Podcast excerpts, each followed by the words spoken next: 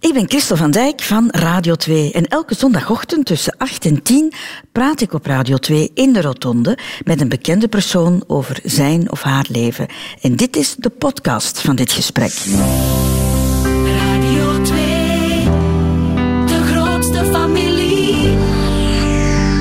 Goedemorgen. Aan de ontbijttafel in de Rotonde in Westende zit vandaag Johannes Vaas, eh, beter gekend als uh, toerist MC, een uh, rapper en een televisiepersoonlijkheid sinds The Voice en Liefde voor Muziek. Een programma trouwens, Johannes, dat hier opgenomen is in de Rotonde. Jep, jep, jep. Goedemorgen.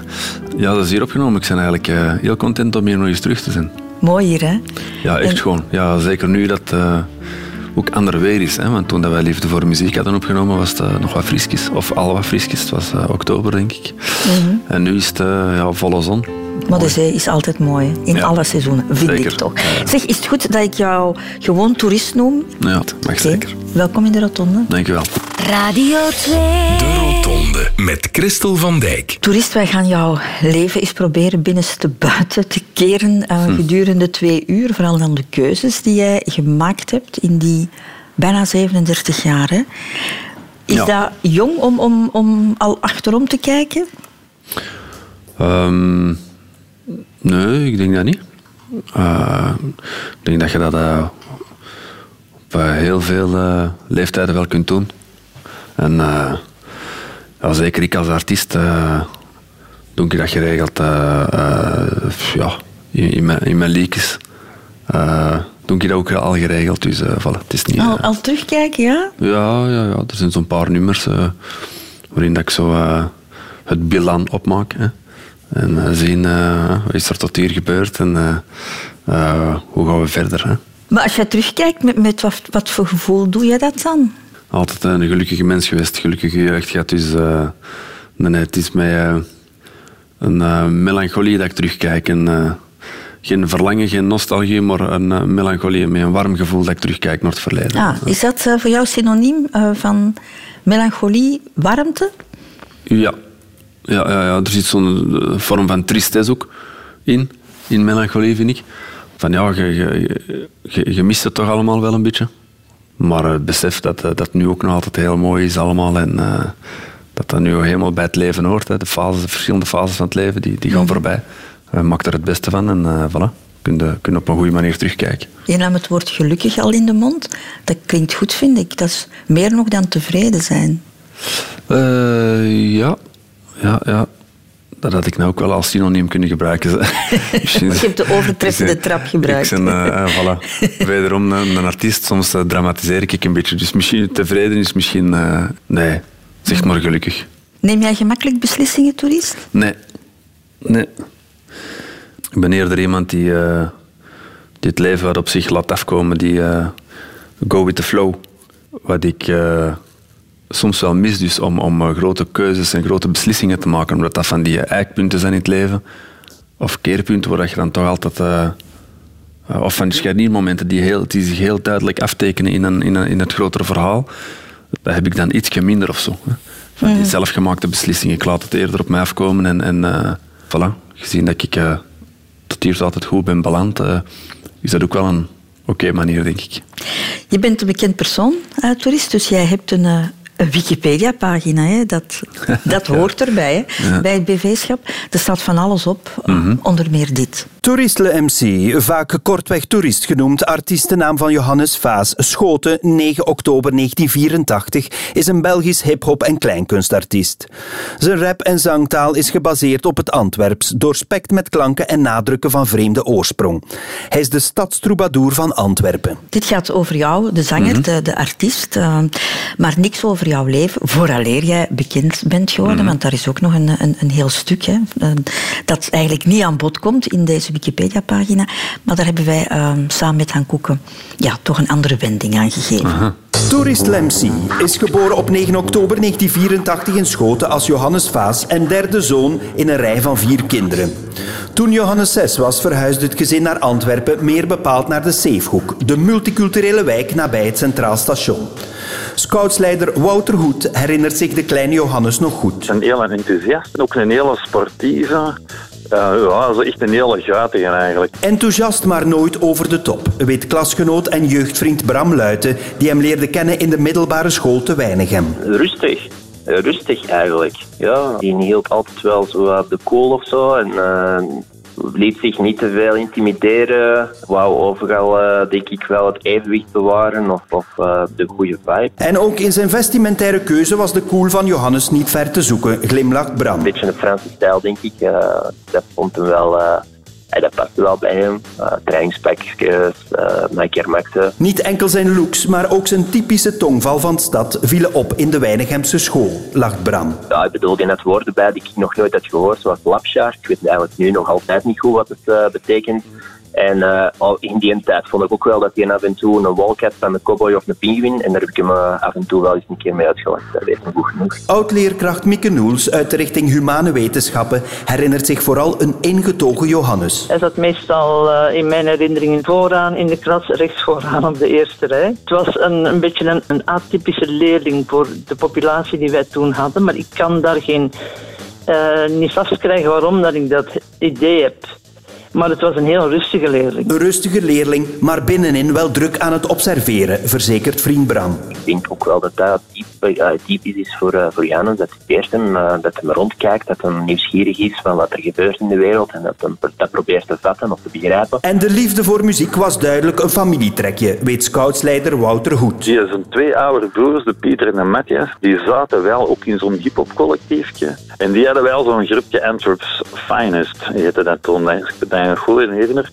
En dan, misschien is dat dan, is de Johannes daar ook een beetje door in, uh, geïnteresseerd geraakt, naar zo heel dat hip-hop gebeuren. Maar wat Johannes zo bijzonder maakte, was zijn unieke manier om met taal te spelen, vertelt Bram trots. Ik denk dat hij in een zin kon zingen waar je vier, vijf talen in, in, in tegenkwam. En dan uiteindelijk uh, eindigde hij nog met, met een plat Antwerps woord. Dat is altijd een, een kleurrijk bordje of zo van, van, van talen en klanken. Door het leven goed te observeren en te absorberen, slaagde Johannes er met zijn poëtisch en muzikaal talent erin een bijzondere stijl te ontwikkelen. Onze toerist was geboren en de rest is history. Een aantal mensen uit jouw verleden. Lapsjaar, dat is typisch Antwerps, hè? Absjaar, ja. Of Absjaar, is Absjaar, Absjaar. Ja, ja, ja, Lapsjaar heb ik, dat ken ik niet. Ah, grappig, zeg. En wat betekent dat? Absjaar, uh, ja, is synoniem van paljas of zo. Het codewoord is hier rustig. Dat is het woord dat het meest uh, terugkomt als mensen aan jou terugdenken. Ja, buiten uh, Wouter Hoed dan. Trouwens, uh, de, een van de DJ's van Disco Bar Moeder die, die antwoord was. Die dan zei uh, dat ik wat, wat, wat, wat guitig was, wat mm-hmm. enthousiast of zo. nee, ja, dat, ik heb mijn periodes gehad, maar ik denk... als jonge gast was ik wel heel aanwezig. Zat ik wel iets te veel show en was ik heel luidruchtig. En dan met, met dat ik wel een beetje meer verstand begon te krijgen, uh, werd ik inderdaad wat rustiger en, en uh, voilà. De Rotonde. Radio 2. Radio 2. De eerste afslag in het leven, toerist, dat is uh, geboren worden. Gezin van, van vier zonen. Hè. Eerst een tweeling Pieter en Matthias, dan jij, Johannes. En dan nog een broer Andreas. Het lijkt wel op vier apostelen, vind ik, als je die namen hoort. Ja, ja, ja. Als we alles behalve zo heilig alle vier. Maar... Uh, ja, ja, mooie namen. Ik ben, ik ben, ik ben, ik ben wel uh, tevreden met dat, met dat lijstje van namen. Het zijn vrij traditionele namen. Hè? Is dat ook het gezin waarin dat jij uh, grootgebracht bent? Kan je dat omschrijven als een traditioneel gezin? Ja, maar niet in de religieuze zin van het woord, want uh, alles behalve religieus of zo. Maar uh, ja, traditioneel uh, een, een uh, middenklasse gezin, I don't know. Twee ouders die aan het werken waren en vier zonen die het huis overhoop shopten met, met, met, alle mogelijke vormen van een bal dat we konden vinden. Hm. Maar ik, ik bedoel met traditioneel, traditionele waarden? Ja, dat, dat denk ik nou wel. Ik heb wel het gevoel dat die ons goed hebben opgevoed in de zin dat, dat wij met, met zijn vork konden eten. Beleefd, be, uh, we moesten echt beleefd zijn. Beleefdheidsregels en ook naar de buitenwereld toe. Uh, moest dat propertjes zijn. En, en uh, in dat opzicht, als dat een beetje is wat je bedoelt, klopt mm-hmm. wel, ja. Andere waarden ook die, die jouw ouders belangrijk vonden om mee te ja, geven? Ik denk respect. Respect voor elkaar. En, en zeker ook voor de natuur. We, we zaten wel geregeld in de natuur of zo. We gingen dikwijls eh, stappen in de bergen bijvoorbeeld. Of andere, of andere avontuurlijke eh, uitstapjes. Dus de natuur was altijd wel eh, tastbaar of zo, ondanks dat wij in, de stad woonden. En eh, vind, ik vond die, die balans wel heel leuk. Jouw ouders hebben eigenlijk een, ja, een beroep dat heel zorgend is. Ik, denk, ik noem dat een beroep met engagement. Jouw mama verpleegster, jouw vader was, was leraar. Is dat ook iets dat, waarvan je denkt, dat heb ik wel meegekregen? Ehm, ja, uiteindelijk denk ik zelf in, eh, in eh, het sociaal werk beland. Dus eh, misschien komt dat daar wel een beetje van, ja. Ik weet niet of ik meer zorgzaam ben als een andere persoon. Maar ehm, ik durf dat wel als een karaktereigenschap te benoemen, of zo, dat, ik, dat ik zorgzaam ben. Mhm. Vier jongens. Ja. Wat voor dynamiek gaf dat? Ja, maar met, met momenten wel heftig. Hè. Het is he- heel fysiek. Samen spelen. eh, ik herinner me nog dat we, als we een bal hadden, waren we aan het shotten in de keuken. Maar als we geen bal hadden, hadden maakten we een, een bal van, van, van papieren. Begonnen we die bij elkaar te doen en wat tape er rond. En begonnen we daar met de vazen kapot te shotten. Dus heel fysiek, ja. Ik denk, we babbelden niet zoveel. Er was er weinig, weinig emotie op die manier. eh, Weinig, echt? weinig eh, dat we praten met elkaar. Dat, dat was dat dan er veel minder. Maar ja, ravotten, hè, ravotten, vechten, spelen. Ja. En had dat te maken met het feit dat, je, dat jullie jongens waren en misschien minder behoefte had om die emoties? Of typeert jullie dat gewoon als, als gezin? typeert ons wel als gezien, maar ik weet niet ja, van waar dat kwam, weet ik dat niet. Misschien eh, heeft dat inderdaad te maken met het feit dat, we, dat, er, veel, dat er vijf van de zes thuis eh, gasten waren. Ik ben, eh, ik ben wel benieuwd, of soms denk ik er wel aan waar dat het gegeven als ik één of twee zussen had gehad.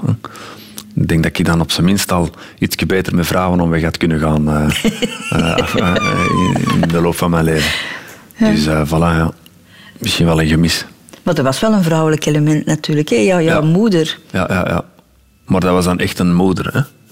Eerder als een, eerder als een vrouw, hè. Dat was een, die werkte super hard, hè. Die ging, die ging shiften doen, eh, voltijds werken als, als verpleegster. En dan thuis ook nog eens vier kleine mannen, hè. Want mijn vader was er ook, maar ik denk dat ik wel gerust kan zeggen dat mijn, dat mijn moeder wel 80, 90 procent van het huishouden op zich nam. Hè. Dus dat, waren, dat was een, eh, een, eh, een dubbele job of zo, dat die, dat die keigoed heeft gedaan. Maar voilà, dat was dus een eh, typisch moedertje. Hm. Kon je met haar over, over emoties praten? Nee, nee, maar ik denk nee. Nee, nee ja, dat kan, hè. ik denk dat dat kan. Maar we doen dat niet. Dus ik denk dat dat dan toch misschien aan, aan ons eh, mannelijk ego eh, ligt of zo. ja. Ja. Waren jullie on- onafscheidelijk als broers? Nee, helemaal niet. Nee, nee. We deden samen dingen, maar het is niet dat wij eh, toen onafscheidelijk waren of nu onafscheidelijk zijn. hè. Een beetje als loszand of... of... Ja, ja het is niet, we, we hebben niet per se zo'n hechte band nu, maar ook niet per se een slechte band. We, we zijn gewoon broers. Hè.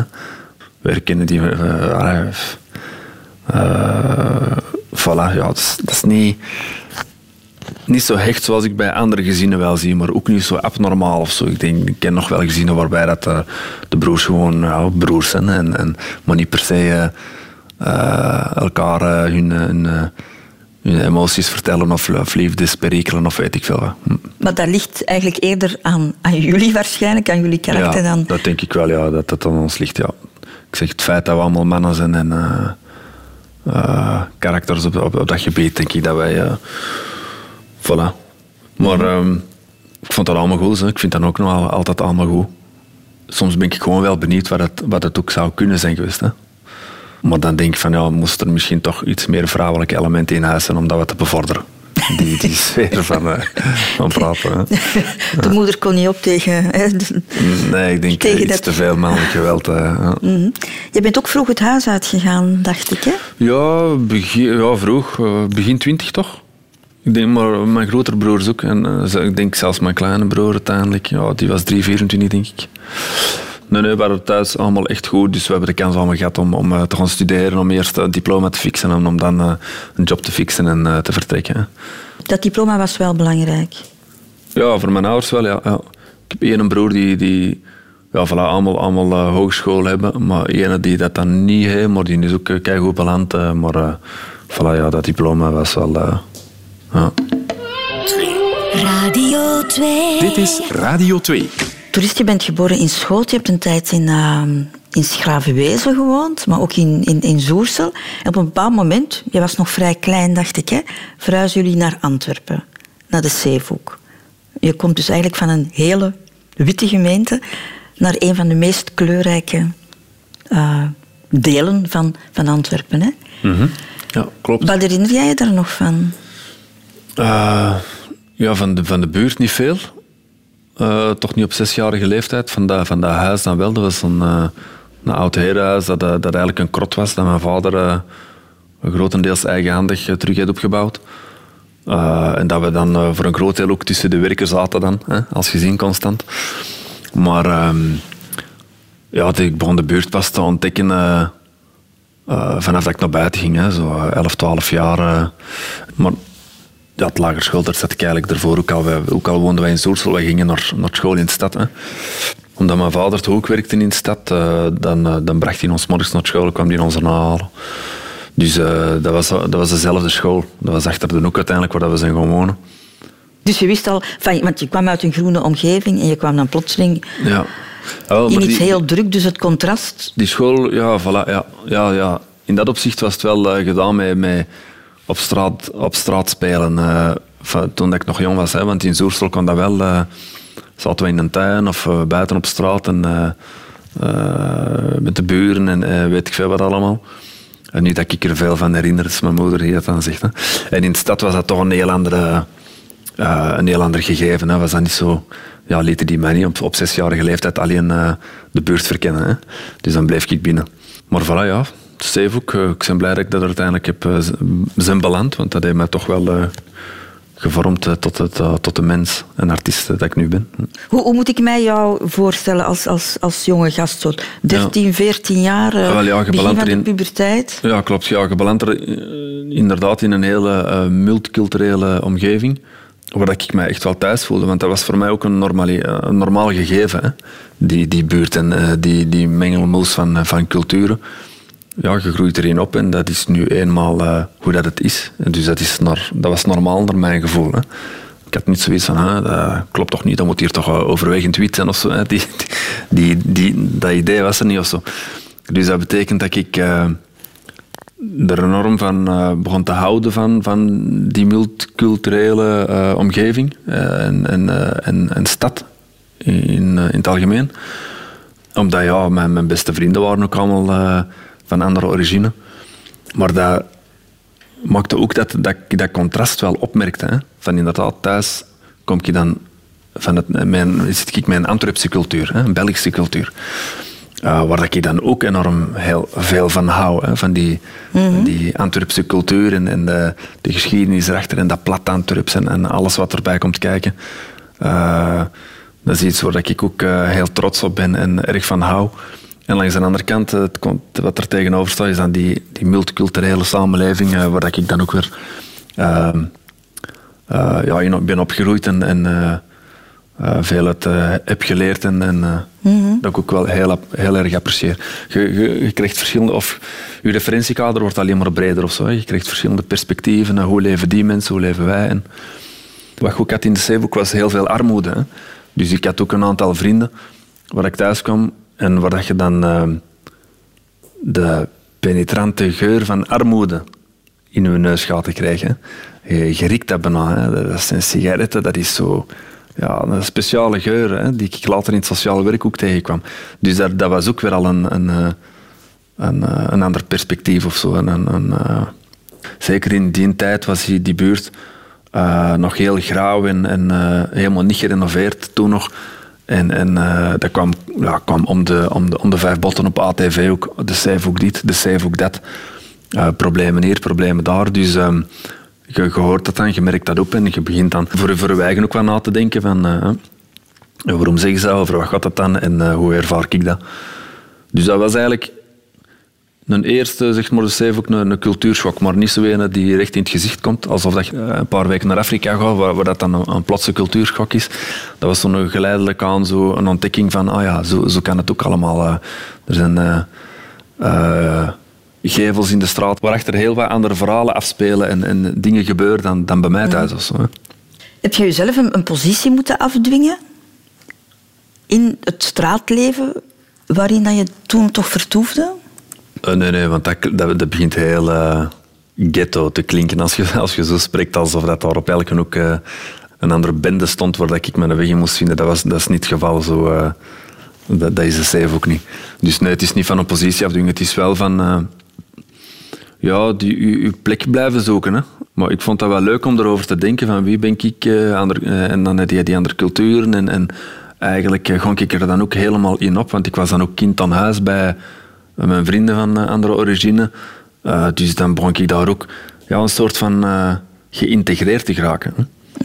En dat is wel iets dat ik altijd heb meegepakt en achteraf, want te bedenken men spreekt altijd van, van integratie, maar ik denk dat dat een gegeven is dat niet van, van de ene kant kan komen. Hè. Ik denk dat wij ons ook constant moeten blijven heruitvinden en, en, en aanpassen aan de realiteit van de dag. Hè. En als het over multiculturaliteit gaat, ja, de superdiverse stad, stad is nu eenmaal een feit. Hè. De globalisering is nu eenmaal een feit. Dus we kunnen niet terug naar dat oude eh, denkbeeld van, van eh, een witte wijk en witte straat. Willen we dat eigenlijk wel? Want als ik eh, de, de verhalen hoor van mijn, eh, van mijn ouders en grootouders over de wijk, hoe dat, hoe dat, dat er vroeger aan toe ging.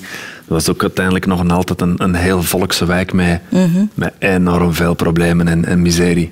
Het heeft jou veel bijgebracht, toerist, hè, dat opgroeien in een multiculturele samenleving. Het heeft ook jou gevormd als, als, als artiest, maar over jouw muziek gaan we het straks hebben. Maar op een bepaald moment beslissen jouw ouders toch om, om, om jou naar een andere school te brengen. Een school buiten de stad, dan ga je naar, naar Weinigem. Waarom, waarom die keuze?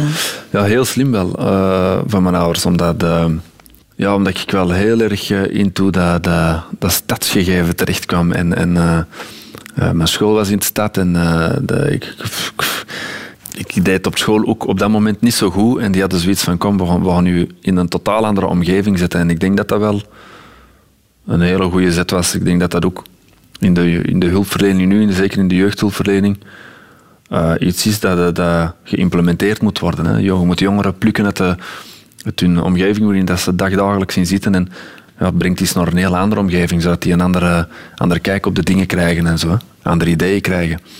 Dus wat, ja, ik, ik, eh, de, wijk heeft me echt gevormd tot wie ik ben en ik kwam dan in de nieuwschool en dat is wat die, eh, die juffrouw er juist zei, dat ik toch een atypische leerling was, al kon ze er de vinger niet op leggen. Ik, kan dan ook niet direct zeggen over wat dat dan precies ging, maar eh, ja, ik was wel duidelijk dat manneke van de stad. Op een of andere manier. Een straatjochie ook een beetje. Ja, ik had die... Ik was, ik was geen straatjochie, want ik, ik, ik had het thuis goed. Ik had, ik had een veilige ha- haven thuis, maar ik had wel die maniertjes, maniertjes van de straat. Hè. En ik had inderdaad zo'n beetje... eh, ik kon switchen tussen het, het plat Antwerps en het gebroken Nederlands. Het algemeen Nederlands zat er dan weer niet in. Hè.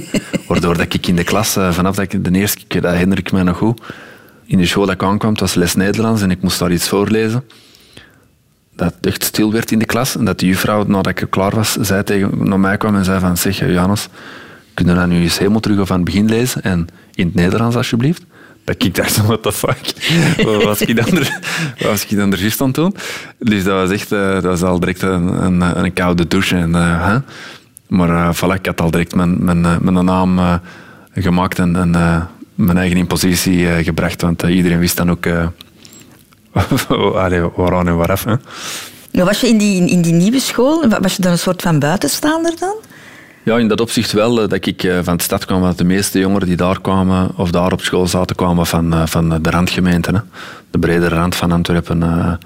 Voilà, ik was een van de enigen van de stad. En ja, je merkte dan toch wel aan mijn manier van doen. eh, en mijn maniertjes dat ik eh, een beetje anders was. Ja, Ehm, Maar zo verschillende werelden, ja verschillende dat, is, werelden. dat, ja, is, ik- dat is echt jouw ding. Ja, ja dat, dat vond ik altijd wel een... eh, ja, iets leuk. Radio 2. De Rotonde. De keuze voor muziek, toerist, zullen we het daar eens over hebben? Ik noem dat een keuze, of was dat misschien ook niet echt een keuze?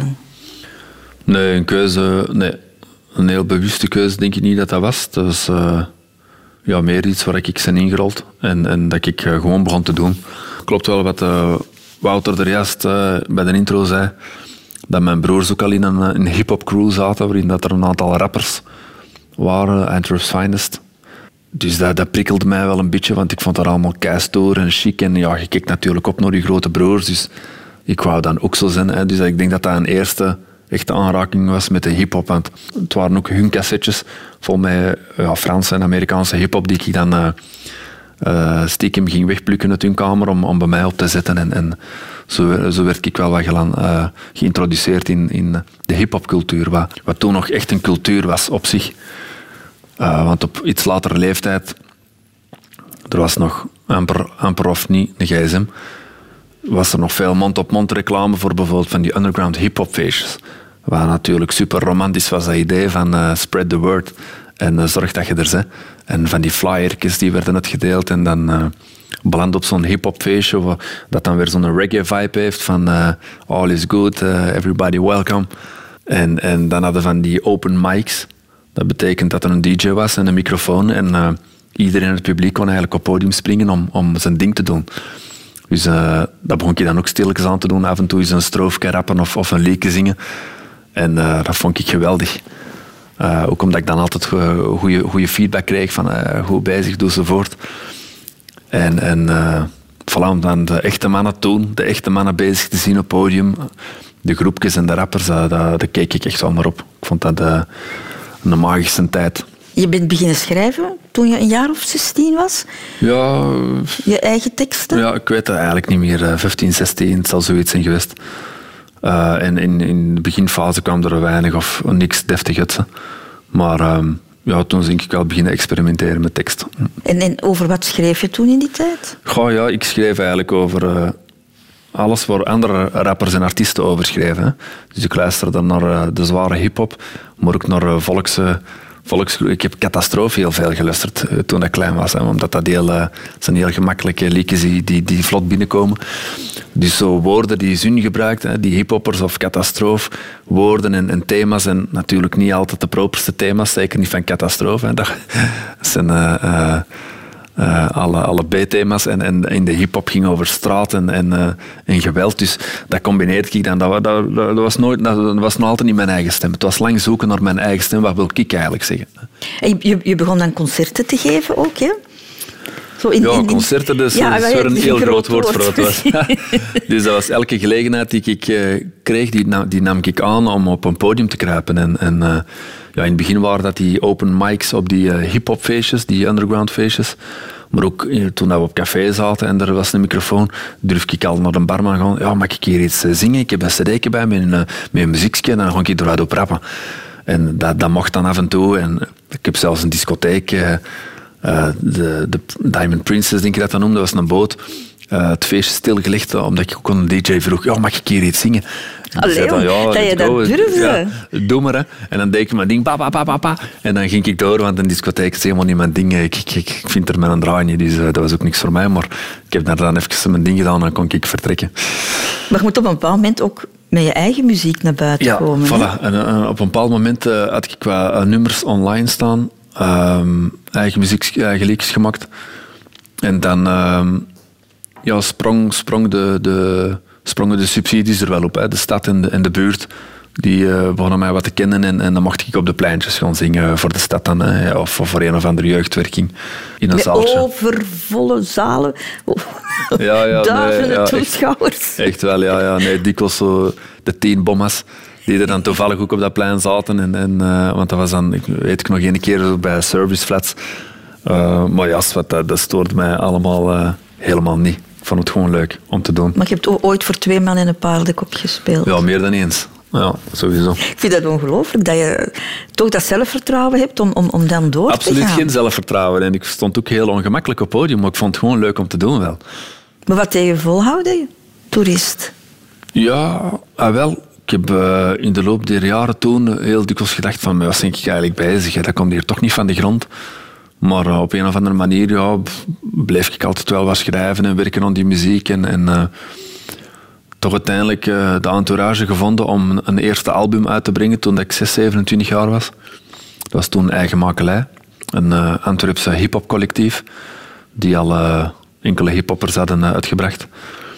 En dan voilà, heb ik daar een album in, bij uitgebracht. En dat was direct wel een, een, schot in de roos. Zeker in de, in uh, hip-hop Antwerpen en hip-hop Vlaanderen was ik uh, plots wel uh, een van de namen of zo. Ja, en dan, dan begint je ego gestreeld te geraken, hè, want je, je zit inderdaad ineens een naam. Een toerist. Mensen kennen u. je hoort af en toe een auto voorbij rijden met luid op uw muziek. En, en je komt al eens op feestjes en dan, ah, jij bent een toerist. En, en voilà, je ego begint geprikkeld te worden en je, en je, wilt, je wilt meer van dat. Hè. En, dat, dat, prikkelde mij wel om, om te blijven gaan daarvoor. En dan kort na mijn eerste album uh, heeft iemand mij ingeschreven voor de Humo's Rock Rally. En dat was wel mijn eerste, mijn eerste stapjes in... in uh, dan is het begonnen eigenlijk, hè? ja, in de, in de media. Ja. Je zegt, iemand heeft mij ingeschreven. Waarom heb je dat niet zelf gedaan? Ja, ik wist toen ten eerste niet dat dat bestond. Een beetje een cultuurbarbaar, ik was er helemaal niet mee bezig. Uh, dus Algoere heeft iemand mij ervoor ingeschreven en, en ja, voilà, is dat toch heel goed uitgedraaid uiteindelijk. Mm. Wat denk je, mocht die carrière niet zo'n vaart hebben genomen, zou jij dan nu nog ergens in, in, in een vereniging of een, in een jeugdclub of, of op, het, op het lokale niveau meedraaien? Dat denk ik wel. Ja, ja want ik, ik, vind altijd, ik vond het altijd wel... Ja, ik heb het tot mijn uh, 6, 27 altijd gedaan op kleine plekken. Allee, toen waren er ook al heel wat eh, jeugdhuizen met, met die wel stampvol zaten. Maar ik vond dat gewoon leuk om te doen. Dus uh, dat dan een kleine uh, jeugdhuis is op een of andere hooizolder van een boer. Of het is de Lotto Arena of de AB of whatever. Uh, ik vind het leuk om op een podium te staan en voor een publiek te staan. Hm. Toeristen komt uit een uh, middenklasgezin, hè, mag ik het zo noemen. Uit twee ouders die, die werkten met een behoorlijk loon, maar, maar ook niet, niet superrijk, denk ik. Hè. Werd daar thuis over gesproken, over, over geld en, en over materiële weelde? En... Um, ja, dat, herinner ik me niet zo goed. Maar wat ik wel altijd als idee had, is dat we nooit geld uh, te veel hadden per se. Of zo, hè. Uh, we hadden het goed en, huisje, tuintje, auto. Maar dat was ook niet, ik weet niet wat voor een auto. En dikwijls was die auto veel te klein om met, met alle kleine mannen naar het zuiden van Frankrijk te rijden. Hè, waar dat Bobon dan een, een huis had. En daar gingen we altijd op verlof. Maar dat waren nogal autoriten al goed dat je toen geen stoeltjes nodig had, autostoeltjes. Hè. Anders had dat al niet gelukt. Maar dat was toen nog achterbanken plat liggen en uh, voilà, slopt je maar wat in de koffer. We zullen s'nachts wel rijden. Um, mag nou allemaal niet meer. Hè. Maar uh, nee, nee, voilà. Uh, wij, hadden, ja, wij hadden niks tekort. Hè. We hadden niks tekort. Maar ik denk ook niet dat wij echt veel te veel hadden. Uh... Je had het daar, daar net al voor negen uur over het feit dat je in de plek waar je woonde in Antwerpen, dat je daar wel, wel geconfronteerd werd met, met armoede. Heb je toen voor jezelf toen al beseft van ik, wij hebben het eigenlijk wel goed? Ja, ja dat is uh, zeker wel een spiegel geweest. Uh, waardoor dat ik heel snel door had van ja, bon, ik, ik, ik moet waarderen wat ik heb en me er bewust van zijn. Hè? Want dat is voor heel veel mensen niet vanzelfsprekend. En ik had het dan over, in eerste instantie over mijn Belgische vrienden. Die het, die het wat moeilijker situaties komen, maar je had dan ook nog eens de illegale. Hè? Mensen zonder papieren, dat was helemaal uh, erbarmelijk. Hè? Van die huisjesmelkerijen, toestanden. Uh, panden vol met kakkerlakken en, en uh, geen sanitair. Daar kwam ik dan ook over de vloer. En dat was dan ook altijd blij zijn dat ik terug thuis kom. Hm. Heeft hetgeen wat jij gezien hebt hè, van, van armoede, heeft dat bijgedragen tot de keuze die jij gemaakt hebt na jouw middelbaar onderwijs? Die studie voor sociaal assistent? Ja, ik denk dat de, de Zeevoek en, en de, eigenlijk de stad in het algemeen mij wel heeft beïnvloed daarin en geprikkeld. Want ja, ik, uh, ik ben altijd wel geïnteresseerd geweest, zowel in de stad, maar ook als in, in, in de mensen en, en uh, wat drijft de mensen. En, en, uh, en dan ja, het sociaal werk, maatschappelijk werk. Ze echt zo'n sleutelfiguur tussen mens en maatschappij. En ja, in dat, op dat moment wist ik, eh, had ik echt geen ander idee wat, wat ik zou willen doen met mijn leven. En toen ik voor, die studies ging, had ik ook geen idee wat ik dan uiteindelijk als job zou gaan doen. Zo. Maar uh, voilà, ik moest iets doen. En ik kwam met de menswetenschappen, dat, waren, of dat was een richting die mij wel interesseerde. Dus, uh, en voilà, het was eind augustus, ik moest me snel ergens, ergens gaan inschrijven. Dan is het, uh, dat, dat, bedoel ik, ik, ik, maak geen grote keuzes, ik ga go with the flow. Hè. En dat, dan, dat was het enige dat in mijn hoofd opkwam. En dacht ik van ja, ik zal me maar snel gaan inschrijven en gewoon die studies doen. Is dat een goede keuze geweest? ja, achteraf eh, denk ik van eh, het is toch wel ook heel handig om redelijk wat van computers te kennen. Dus dat, had ook wel een handig geweest. Of marketing, dat had ook een handig. Maar eh, dat, kan, dat kan ik nu nog altijd eigenlijk eh, in avondschool of zo gaan doen als ik dat echt wil. Hè. Maar nee, ik denk, ja, het was een goede keuze. Ja, ik voelde mij er wel thuis. En, en dat was een richting die niet te moeilijk was. Je moest er niet te hard voor blokken, want daar had ik eigenlijk ook geen zin in om dat te doen. Dus, voilà.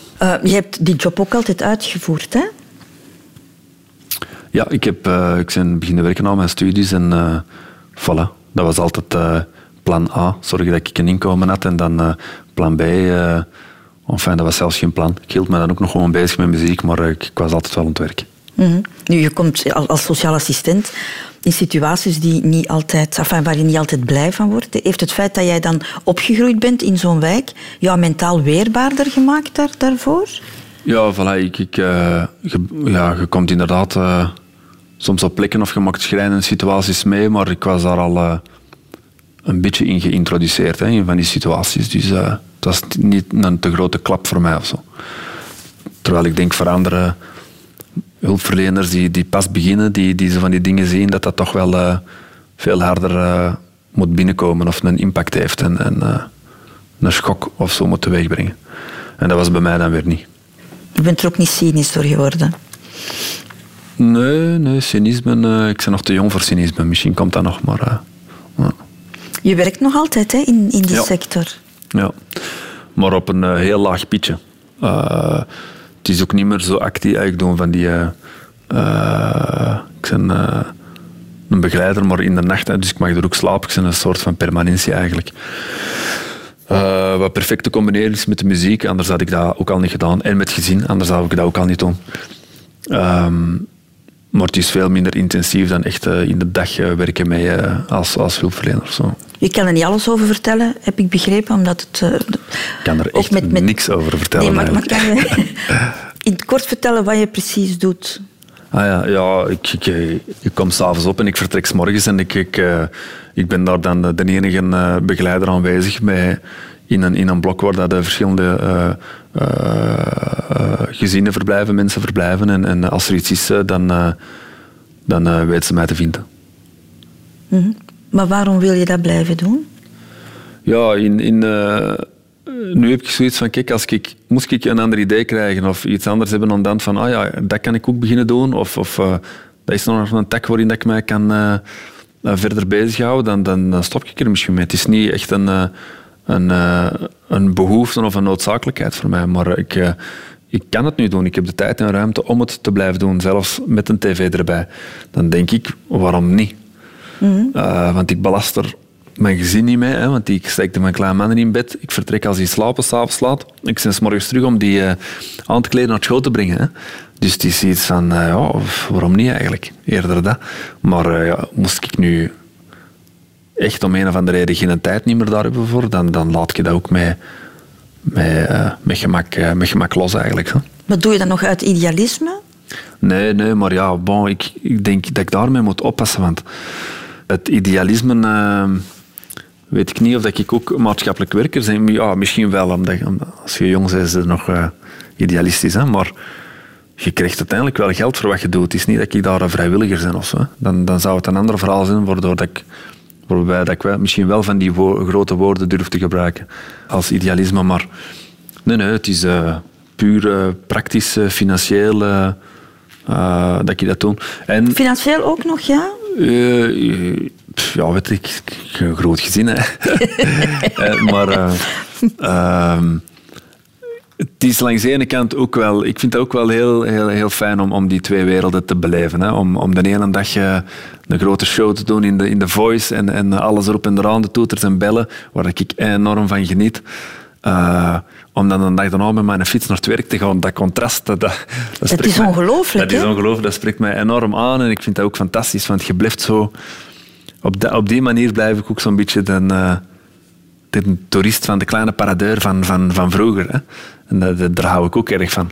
Ja, maar ik vind, vind het een heel, een heel immens tegenstelling. Hè? Inderdaad, Ja, ja, ja. glitter en glamour. En dan zit jij in, in, in een crisis. Aan de andere kant in een crisissituatie. Eh, maar misschien is dat ook wel goed dat je dat evenwicht hebt. Of die, die verschillende werelden alweer. Want dat is een beetje de rode draad in jouw leven. Echt precies, wel, ja. hè? Echt wel, ja. Ik, ik, ja, ik, ik vind dat gewoon fantastisch.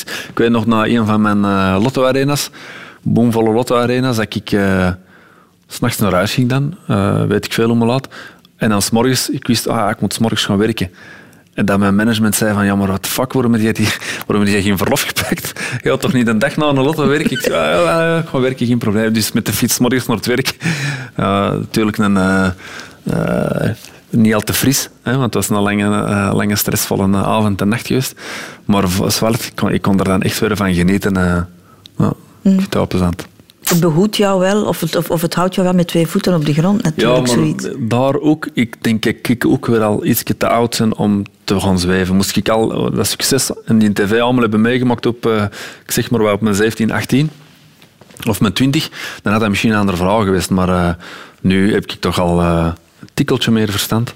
En altijd niet genoeg. Maar ik, ik denk dat dat mij wel met mijn voeten op de grond houdt. ja. Plus het feit misschien dat je wel alles zeer erg relativeert.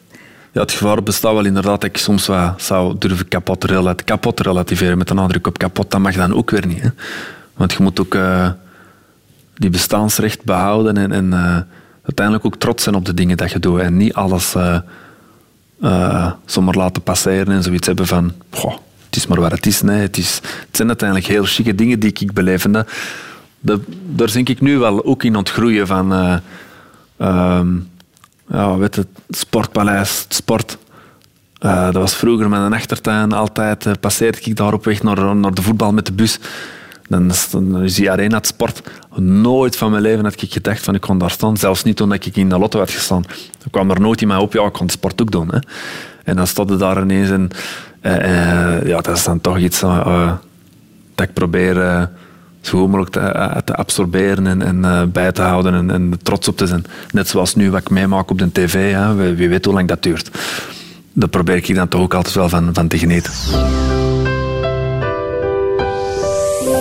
We moeten nu toch ook nog een aantal persoonlijke afslagen gaan betreden, toerist. En dat is ehm, ja, afslag liefde. Hè? De keuze voor, voor, een, voor een relatie, voor een partner. Hoe, hoe dacht jij over liefde als, als, als jonge kerel? Ik dacht er weinig over na eigenlijk. Eh Marta was mijn eh, eerste serieuze relatie. Hè. Eh, en en wat ik daarvoor altijd dacht, dat, circuleerde zo in onze vriendengroep van op een dag, huisje, tuintje, vrouwtje. En we zijn content, we zijn gesetteld en we, we hebben het gemaakt in het leven. En, en voilà, dat was toen ik Marta ontmoette en leerde kennen, dacht ik van, ah ja, die moet ik proberen vast te houden en eh, ervoor te gaan, want dat- die kan wel eens eh, een schakel zijn in dat hele plaatje van huisje, tuintje, vrouwtje. Ik had geen ideaalbeeld van eh, welke vrouw zoek ik of, of eh, wat gaat er bij mij passen. Dat, ik wist dat ook helemaal niet wat er bij mij zou passen. En, eh, maar plots, eh, plots was ze daar en, en eh, voilà, viel de puzzel wel schoon in één. Dan dacht ik van, oh ja, cool. En ehm, nee, ik zeg het, we hadden gewoon dat abstract gegeven als jonge gasten van abstract van op een dag eh, fixen we dat wel en dan begon dat ineens, concreet, we kon- dat ineens Ja. concreet te worden en, en voilà. En zoals altijd dacht je, het zal mij wel overkomen. Hè? Het zal me- voilà, Ja. voilà. En het overkwam mij eigenlijk ook echt letterlijk. En het is ook dan pas, toen ik Marta kende, dat ik liedjes als Liefde, Liefde begon te schrijven. Ehm, en dat ik over de liefde begon eh, te zingen. Of te rappen. Of Ah, dat ja? dat uit een van de thema's van toerist werd. Nou ja, en daarvoor niet. Nee, daarvoor niet. Daar eh, zong ik over eh, van alles en nog wat. Maar eh, niet, mm, het woord liefde, denk ik niet dat er veel terugkwam in mijn teksten daarvoor. Je was jong, hè? 21, dacht ik? Toen, toen je, Ja, zoiets. Toen je, 1, 22 jaar. En, en, en, en ja, zij was nog een stuk jonger, hè? 18. Ja, nog naar school, schoolkant. Ja. Het buurmeisje dan nog, hè? Buurmeisje, ja. Dat is wel heel straf. Ja, gek, hè? Niet echt, niet echt ver gezocht, hè? Nee, nee, nee. En dat was dan ook, want ik, woonde dan toen even bij mijn ah, in feite, in feite voor een, nog altijd achter de hoek van mijn ouders, dus ik woonde nog deels thuis, maar ook sliep ik dan voor een groot deel ook bij de oma, die dan iets slechter te been was. Ehm, en die zong dan plots ook zo'n heel, eh, die zei van, ja, ik, ik ken een, Antwerps, een oud Antwerps volksliedje. En, dat gaat dan, en dan begon hij dat te zingen. Ach, je wilt vrijen en zij staat u aan. Laat ook niet verlaaien of gangt eraan. En trouwde zo'n masker zegt nooit iets van mij. Of het moet er een schoentje van het kantje zijn. Waarin dat ze zegt van... ehm, als, je, eh, je uiteindelijk een vrouw zoekt, zoek er een van de kant. En de kant is een ander woord voor de zeehoek. Het kantje. Zoek er eentje van de zeehoek. En ze vond dat grappig omdat dat mijn buurmeisje was. Eh, of ons buurmeisje. En, en eh, voilà. Ik vond dat dan ook keigoed, want mijn onkel had dan ook zo'n vrouw gevonden in de wijk en nog zo'n paar familieleden. Dus dat was echt wel een ding. En dat was zelfs een volksliedje van, hè. zoekt ze uit uw eigen buurt. En je hebt dat letterlijk genomen. grappig. Ik heb dat letterlijk genomen en, en ook gebruikt in, eh, op mijn eerste album. eh, stond er dan een leken, Ach, je wilt vrij. 21, hè, dus nog vrij jong. Was jij al klaar eigenlijk om, om voor, een, voor een serieus engagement? Ah, wel, ik zat toen wel in een periode in mijn leven dat ik even niet goed wist eh, wat nu. Hè. Want uiteindelijk, ja, je kunt het je niet blijven permitteren om op straat rond te hangen zonder... eh, of met je vrienden te blijven rondhangen zonder echt het doel. Of hè, wat gaan we nu doen? Hè? Ik was afgestudeerd. Ik was denk ik eh, toen even ook nog niet aan het werken. Hè. Dat was tussen mijn diploma en mijn eerste job. En ik wist echt niet van... pff, ja, nou, waar gaan we nu naartoe? Wat nu? Hè? Dus eigenlijk kwam die op het perfecte moment. Want ja, je hebt dan wel ineens een doel... Ah, die gaan naar school. Ah ja, oké. Gaan we samen wonen? Ah ja, oké. Ah, ja, er moet geld binnenkomen. Ah, oké, we werken. en je bent vertrokken. Hè. Ja, jullie zijn heel snel gaan, gaan samenwonen. Ja, die woonde heel, eh, vrij snel. eh, bleef die dan bij mij toen ook bij de, bij de, bij de oma. Bleef die, bleef die bij mij slapen. En, en eh, eh, voilà, we waren vanaf dan, ja, eigenlijk vanaf dan altijd samen. Ja. En dan gaan samenwonen terwijl zij nog studeerde. Gaan samen, ja. Ja. Jij hebt pas afgestudeerd, lijkt me ook allemaal niet zo evident. Nee, nee, eh, nee, nee, voilà. Maar eh, ja, dat vindt ze een weg wel. Hè. Jullie zijn ook getrouwd, hè? Ja. Ja, eh, al, wat is het? Eh, Bijna ja, tien jaar zeker, ja, ik wou vijf jaar zeggen, maar het was 14 tien jaar. februari, wan- wanneer was het? Het was, 2000? Ik denk... eh, shit, zeg. Wacht, zat dat niet meer erin? Ik dacht dat je die datum, 14 februari, gekozen had om die, 14 nooit- om die nooit te vergeten. 2012. Ja, nee, 14 februari, dat wist ik, maar het jaartal. 2012. Eigenlijk een schone datum dat ik nooit meer ga vergeten. Mm, Bijna tien jaar dus. Hè? Waar, waar, waar wou je die stap zetten? Mm, eh, ja, in... in eh, ja, in eerste instantie omdat dat zo nog een, traditionele zet was die wel eh, paste bij eh, mijn ouders, want die zijn uiteindelijk getrouwd geweest. En zeker ook bij Marta en haar ouders. En eh, ja, Marta komt dan, heeft Poolse roots, die komt dan uit een Pools gezin. En daar leeft dan nog iets harder al die tradities. dus er is geen kwestie van... eh, of de vraag of dat je niet gaat trouwen, bestaat er niet. Hè? Dus je gaat sowieso trouwen. Hè? En bij mij was dat van, ja, oké, mijn ouders zijn getrouwd, dus ja, waarom niet? En ben je het, voor de eh, kerk ook getrouwd? Eh, ook voor de kerk, ja. Hm. En je hebt dat gedaan omdat het voor haar misschien belangrijker was dan dat het voor jou niet belangrijk Ja, was. ja ik denk als het bij iemand anders was beland, waar dat, dat helemaal niet belangrijk voor was, was ik misschien niet getrouwd geweest. Maar eh voilà. Ja. Je hebt een hele weg afgelegd, hè, toerist, van een onbekend iemand naar een, naar een heel bekend eh, persoon nu. Voor jou is dat een droom die uitkomt, denk ik, maar voor een partner lijkt mij dat niet zo evident. Want zij kende jou als, als onbekend manneke en nu ben je overal, constant Ja. op televisie. Ja, het is echt. eh, ja, het voordeel is wel dat dat heel traag, gestaag, maar traag is gegaan. Hè. Ehm, ik trad toen al op. Ik, deed toen al wat optredetjes eh, toen ze mij leerde kennen. Dus eh ze had van het begin al wel iets van: ah ja, oké, op een of andere manier. Mensen kennen hem, sommige mensen kennen die wel. En dat is dan stilletjes aan alleen maar eh, gegroeid en gegroeid om dan pas te ontploffen toen ik 30 was met het tweede album En route.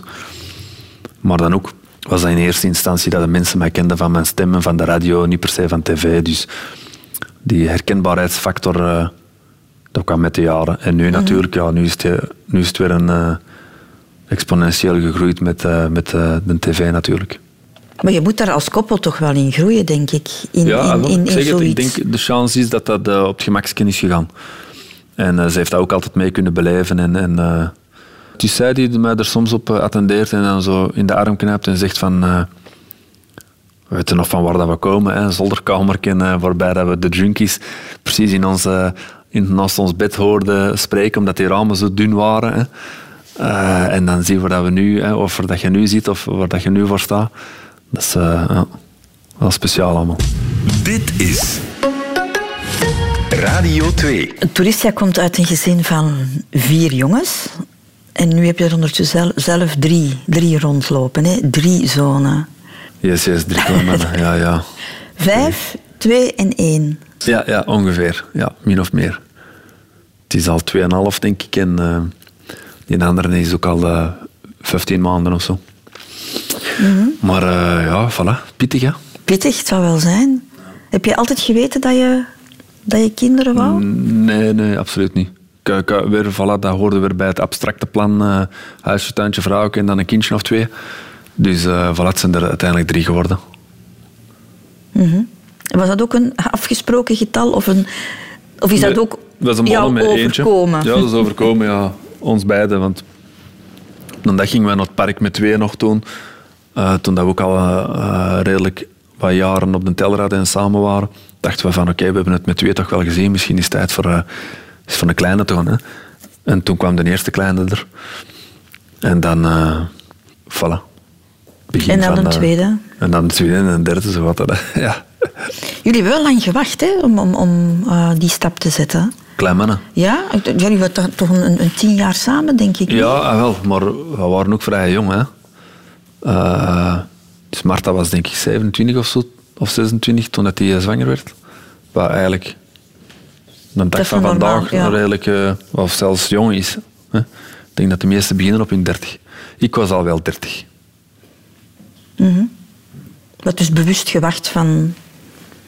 Of, of had je ook schrik van, van, van die beslissingen en van wat er dan ging komen? Ja, ik denk, eh, ik denk dat ik eh, ja, moest, moest rijpen. Ik denk dat we alle twee gewoon nog een, een rijpingsproces eh, door te gaan hadden voordat we zelf een klein mannen konden beginnen of zo. Had je schrik dat je die rol niet goed zou kunnen invullen? Dat dat jou niet, niet goed zou liggen? Vaderschap? Ja? Nee, niet per se. Je hebt er Eh, eigenlijk ook niet over nagedacht? Niet, niet echt. eh, jawel, want vanaf dat die kleine dan in een buik zat, begon ik wel na te denken van, ja, en hoe ga ik dat eigenlijk doen? Wat ga ik eigenlijk doen? Wat moet ik eigenlijk doen? En dan begon ik automatisch te denken van, ja, hoe hebben mijn ouders dat aangepakt? Dus dan begon ik er wel vrij snel over na te denken van, hoe en wat wil ik dat allemaal eh, arrangeren hier? Hè? Dus ik hoop wel dat ik een goede vader heb, maar ik heb niet de angst dat ik geen goede vader ben, maar ik hoop wel dat ik eh, iets kan betekenen of zo voor die hè? dat ik het goed kan doen. Je hebt ook ooit al eens gezegd dat het vaderschap jou wel veranderd heeft. Hè? Dat je minder pessimistisch bent geworden. Ja, ik was, eh, maar dat is misschien ook samenloop der omstandigheden. Ik was altijd al eh, redelijk activistisch in mijn, in mijn teksten en in mijn, in mijn betogen als ik met mensen aan het babbelen was. Eh, ja, vegetariër en toestand. Ik ben altijd een beetje een, fatalist geweest van het einde van de wereld. Ehm, ja, nu nog trouwens, langs de ene kant. Ehm, ehm, dus ik heb eigenlijk die... die eh, ik heb het gevoel dat ik dat misschien ook allemaal al een beetje had geuit. Ik had er ook al wat liedjes over geschreven. eh, die, over, die over die thema's gingen. Dus het was er misschien ook al een beetje uit. Maar het feit dat mijn kleine er, er ineens kwam... Ja, is het nog moeilijk om zo, zo donker, donker te denken en moeten... Begin je eigen misschien wel wat te forceren om, hoopvol, om hoopvoller te zijn of zo. Hè? En om het leven eh, een, een, een kans te geven. Ja? Ja, dat vond ik wel, want inderdaad, meestal is het een andere richting. Hè. Mensen worden eh, zwanger, krijgen kinderen en beginnen aan pas na te denken, oei, maar in wat voor een wereld hebben we die neergezet? Hè? Ah, wel, dat idee had ik er, of daar speelde, die, met die ideeën leefde ik ervoor al. Hè? En vanaf dat ik mijn klein had, was dat bij mij dan in andersom. In de, ging dat in de tegenstelde richting en eh, voilà. Geef het leven een kans en laten we hopen dat alles goed komt. Maar uiteindelijk eh, ben ik nog even eh, ja, misschien niet pessimistisch, maar zie ik het allemaal ook niet zo rooskleurig in. Zo. Ik denk dat wij de generatie zijn en dat wij nu moeten genieten van de dingen die we hebben. Want het, is nog mijn, zijn mijn ouders en vooral dan ook mijn grootouders die zoiets hadden van... dat ik dan ook echt ervaarde dat ze telkens tegen mij zeiden van, en hoopten van... We hopen dat je het beter gaat hebben. We zijn hard aan werken, doe het goed op school en zorg dat je het beter hebt dan ons. Dat is niet wat wij gaan zeggen tegen onze kleine mannen. Wat ik nu het gevoel heb, of wat wij moeten zeggen tegen onze kleine mannen, ik hoop dat het niet veel slechter wordt dan dat we nu hebben. Hè? Beter gaat het niet hebben, sowieso niet. Het gaat slechter worden, maar hopelijk niet te slecht. Jullie hebben besloten dat, uh, dat Marta, jouw partner, zou thuisblijven na de geboorte van, van jullie eerste zoon. Hè? Waarom die keuze? Ja, ze, um, ze wou dat eigenlijk. Uh, die was toen, uh, toen dat Gabriel er al was, was hij nog haar studies van rechten aan het afwerken. Dus, en dan heeft hij dat diploma behaald van, in de, van de rechten. En dan uh, zei ze van ja, ik kan wachten totdat hij naar school gaat voordat ik uh, terug iets kon doen. Maar ja, toen kwam hij een tweede er en toen kwam hij een derde er. Hè. Dus zit ze nog altijd thuis. Maar ja, voilà. uiteindelijk, uh, ik denk vanaf dat hij allemaal naar school gaan, dan, dan gaat hij wel, gaat hij wel terug dingen. we willen die gewoon niet naar de crash of zo brengen. Hè. Nee? Dat is het een beetje. Dus vanaf dat die allemaal naar de kleuterklas gaan en die zijn overdag weg, dan denk ik wel dat zij terug iets, iets gaat, gaat doen. of dat nou met haar diploma is of dat met haar grote passie is en dat schilderen. Hè, waar ze nu eigenlijk terug volop mee bezig is ook. Maar waar, waarom vond je dat belangrijk om ze thuis in, in, in, in het gezin te ja. houden? Wij, wij zijn er te, te, te, angstig in, denk ik. Wij zijn er te, te, te soft in. Er zijn twee poesies eigenlijk op dat vlak. We kunnen die niet naar de crash brengen en s'avonds gaan halen en zien dat hij helemaal behuild is en zo. Eh. Nee, dat kunnen wij niet. En we zitten in een luxe positie waarin dat we dat, deze kunnen doen op deze manier. Ik denk dat heel veel ouders ook zoiets hebben van oh, we willen die ook thuis houden, maar omdat het dan financieel gewoon niet gaat. Wij zitten in de luxe positie dat ik uh, kan gaan werken en dat zij kan thuis blijven. Dus ja, waarom niet? Um, Zorgt het ook voor rust in, in jouw hoofd, die situatie? Ja, nee, want ik zit ook heel dikwijls thuis en die kleine mannen die zijn niet echt rustgevend. Hè. Die zitten heel dag in uw nek. Dus, uh, dat, dat hoort er dan ook bij. En uh, zij ervaart dat ook zo. Weet je. Dat, is, uh, dat, is, allee, dat is plezant. Hè. Kleine mannen mogen ze wel bezig hele dag. Dat is een extra job. Je bent, je bent echt gewoon bezig met die mannen. Hè. Dus in dat opzicht heb je gewoon veel minder me-time of tijd om, om andere creatieve of professionele dingen te doen. Ja, zeker nu met de tijden die er geweest zijn. Ja. Iedereen. Uh, ja. uh, heeft dat een invloed gehad op, op, op jouw professionele leven? Die kinderen, kinderen en, en die drukten en die chaos? En... Ah, wel, ja, het is gewoon allemaal uh, een pakje ingewikkelder geworden om in te plannen. Maar uiteindelijk, uh, dat is dan wel een groot voordeel dat Marta thuis is. Uh, kan, ik, kan ik de agenda wel focussen op de muziek als het moet. Hè. Mm -hmm. En kan ik zeggen van kijk, die avonden uh, moet ik in de studio kruipen? En zat ik denk, soms denk ik nu altijd van hoe heb ik in godsnaam afgelopen jaar een album uh, kunnen schrijven. Uh, maar het is er uiteindelijk aan toch maar van gekomen. En dat is dan wel dankzij dat, dat Marta thuis is uiteraard, dat het allemaal vlot gaat. De grootste familie. Radio 2. En dan gaan we nu al eens naar de laatste afslag van het leven kijken. Mm -hmm. Toerist, en dat is, dat is doodgaan. Hè? Mm -hmm. Het lot van ons allen. Is dat iets waar een dertiger al wel eens over nadenkt? Nee, dood gewoon niet, niet per se. Ik denk aan wel zo'n avond dag, zo, hoe ga ik die doorbrengen? Zo, uh, ik hoop dat ik nog vitaal genoeg dan ben of zo. Want je ziet toch wel schrijnende situaties soms. Van oude mensen die zo niet meer goed te been zijn in toestanden. Dus uh, daar, daar, denk ik nu al wel aan. Want uh, het gaat toch, de tijd gaat precies alleen maar sneller en sneller. Dus op een dag gaat dat er ook staan. Ja. En daar heb je schrik voor? Ja, schrik is ook weer een groot woord. Ik denk er wel af en toe aan, hè. maar schrik is ook een, eh, een groot woord. Wel... de aftakeling dan... Aftakeling en uh, ja, of ziek worden. Zo, hè. Je hoort ook... Iedereen kent wel in zijn omgeving mensen die zo uh, een vieze ziekte meemaken en dan uh, dat dat misschien fataal wordt. Dat is ook altijd wel iets vies. En dat je in het achterhoofd speelt van... Of, het kan iedereen overkomen, dus dat is ook wel akelig. Als je erbij stilstaat. Het is een beetje het thema van mijn uh, laatste album, maar op een veel luchtigere manier natuurlijk. Hè. Het ouder worden, zo, ter, uh, inderdaad, zo een, nieuwe levensfase. Het feit dat ik uh, ondertussen al drie kinderen heb, 36 jaar zijn, dat er weer veel veranderd is tegenover mijn eerste album tien jaar geleden. De verschillende fases van het leven. Hè? Ja, vooral ouder worden. Hè, zo, is het daarom dat jij je lichaam zo goed verzorgt, toerist? Om... Denk je dat ik mijn lichaam goed verzorg? Ja, ja, ik, vind dat dat beter kan. ik, heb, uh, ik, ik, kon, ik kon eruit wel een beetje, maar uh, ik heb echt een slechte conditie bijvoorbeeld. Hè. Toch? Ja, ik heb geen goede conditie. Ik kan niet, kan niet, kan niet goed lopen. Of, of, eh, Hm, Maar je rookt niet, je, drinkt niet. Je let, Nee, toch wel, klopt, wat op, ja. je let wel wat op je, op je eten ook. Hè? ja, dat klopt, dat klopt. Dus dat, zijn, dat, dat heb ik sowieso al, eh, dat is al sowieso een voorsprong. Niet roken, niet drinken, eh dat doe ik al veel. Heeft dat ook te maken om dat proces van, van te verouderen, te vertragen? Nee, dat niet, dat niet, dat niet. Ik kan er ook niet, gewoon ik kan er ook niet goed tegen en dat, dat heeft snel effect op mij. Ik heb niet zo'n sterk gestel op dat vlak. Hè.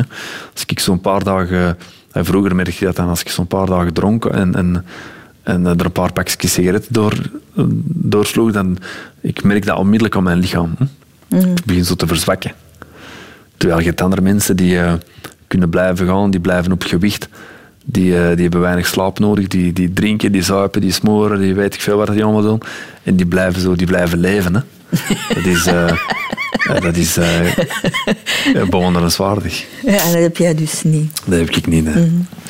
Ouder worden, maar dan, hè, nadat ouder worden, komt het, het, het, het doodgaan. Heb jij een soort ideale dood voor ogen? Goh.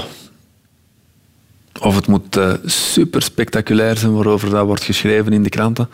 Of eh, het mag eh, hier op mijn, mijn avond dag zijn in mijn slaap of zo. Maar het spektakel mag het ook worden. Spektakel, ja. Ik weet dan nog niet goed wat dat dan moet zijn of zo, maar met met je, je, je geliefde rondom jou dan, zoiets. zoiets, ja. Mooi clichéplaatje. Ja. Zie, ik, ik heb eens gelezen, maar dat was iets heel kort. ehm, dat je een paar keer een soort van, van doodservaring hebt gehad. Klopt dat? Ehm, ja, dat is ook weer een, eh, een, een groot woord. Maar ik ben wel eens overrijden geweest met, eh, door een auto, hè, toen ik op de fiets zat. En dan, eh, dat was eigenlijk...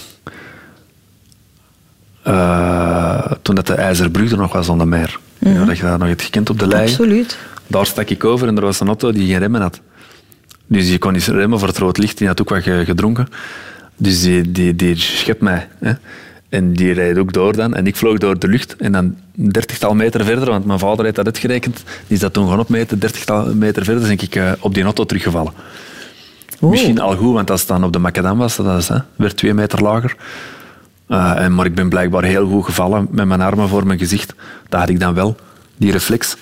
Al goed. Dus al mijn gezicht was weinig te merken, maar de rest van mijn lichaam was wel eh, kapot hè, en moest herstellen. En wat heeft die bijna doodservaring daar dan mee te maken? Geen idee. Ik weet niet of ik dat woord al eh, in mijn mond heb genomen, dus daar heeft iemand anders op je hebt overdreven, denk ik dan, tijdens dat... eh, Of ik heb overdreven, wat goed zou kunnen, want dat doe ik wel eens. Of die mensen hebben dat er zelf bij geplakt. Van, ah ja, hij was bijna dood. Want ik was effectief bijna dood, maar eh, ik, ik, ik ervaar dat niet zo. Ik werd gewoon wakker in, op, de, op de spoedafdeling en wat is er gebeurd? Dat was eerder dat. Het is niet dat ik eh, het heb, heb gezien of zo. Ja, het is een spectaculair verhaal, maar ik, ik had het spectaculairder verwacht. Ik Ja. had dat je zo uit je lichaam zou getreden zijn. En, Echt, hè? Ja, Eh, dat, dat, eh, nee. Het is, ik ben, licht- ben een beetje je teleurgesteld. god- goddelijk licht mee naar beneden gepakt. Ben jij gelovig opgevoed, eh Nee, nee, nee, nee. En er zit ook niks van spiritualiteit in. in jou? Jawel, dat wel. Maar dat komt niet Toch van wel? thuis uit. Dat komt eerder van ja, vrienden die moslim waren. eh, Marokkaanse vrienden of, Afrikaanse vrienden die dan protestants waren. Of, eh, ehm, mijn interesse ook in, in eh, fantasy. Ik lees heel graag fantasy of magisch realisme. Dus echt de typische fantasy zoals Game of Thrones, Lord of the Rings. maar ook magisch realisme zoals la Paulo Coelho. Of spreekt het ook uit? Die dan wel eh, religieuze en spirituele elementen gebruikt. Dus dat, dat was er altijd wel in mijn leven op een of andere manier. Zeker ook in de vriendenkring. eh, die mannen die beleefden dat dan nog heel concreet, hè, hun religie. eh, die deden de ramadan en toestanden. God was aanwezig of zo. Hè. Dus ik was er altijd, dat, oh, dat was altijd wel in mijn leven of zo. En ik vond dat ook gewoon super interessant. Jij, jij deed mee hè, met de Ramadan, toch? Ik heb dat eens eh, een paar dagen meegedaan. In de periode dat dat in de winter was. Dus het, was donker, het was donker van 9 tot 4 of 5. Dat viel nog mee. Als je die mannen nu ziet, eh, van 6 uur s morgens tot 10 uur s avonds. eh, hallo. dat, dat, dat gaat niet. Maar je zegt, er zit dus een zekere spiritualiteit in mij. Ja. Denk je dan dat er ook meer is tussen aarde en, en hemel? Eh, ja, ik denk al niet dat ik het zo bekijk als in hemel. Maar ehm, eh, ja, ik denk dat het ook misschien mijn spiritualisme eh, eh, redelijk wetenschappelijk vast te leggen is. Ook, ik geloof wel in een soort van allesomvattende energie of, of verbondenheid tussen, tussen alle levende, levende dingen. Hè? Tussen de moeder aarde, alles wat leeft daarop en, en de mens. Ik denk dat we allemaal op een of andere manier met, elkaar verbonden zijn wel. En dat er misschien dan daarom wel een, een soort van energetische kern of een stroom is waar we allemaal voortkomen en waar, dat we, waar dat het, het leven dan, hè, of de ziel, misschien wel nog terug naartoe gaat als je dan dood bent of zo. Hè. Dat het allemaal terug samenkomt of zo. Daar durf ik wel eh, over te mijmeren. Maar of dat ik dat geloof, uh, allee, dat is dan weer een stapje verder. Maar ehm, het is zou schoon zijn natuurlijk, ja. dan dat eh gewoon boompad gedaan is of zo.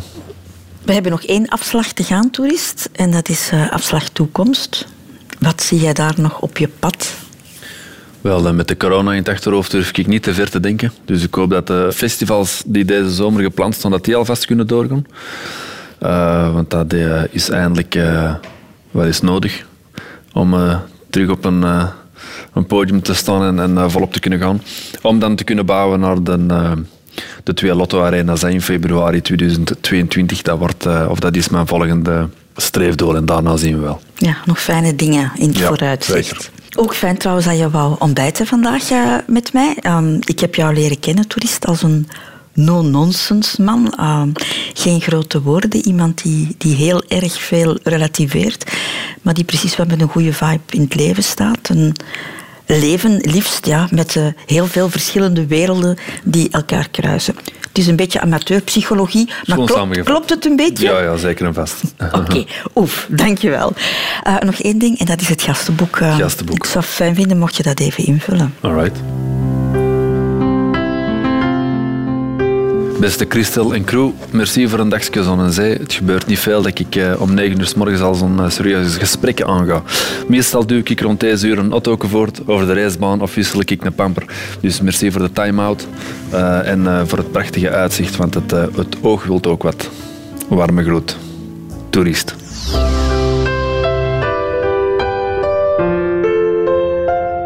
Radio 2. Heb je genoten van dit gesprek? Wel, beluister dan zeker ook de andere afleveringen van de Rotonde. En nog meer podcasts van Radio 2? Ook de rechtvaardige rechters vind je in je podcast-app.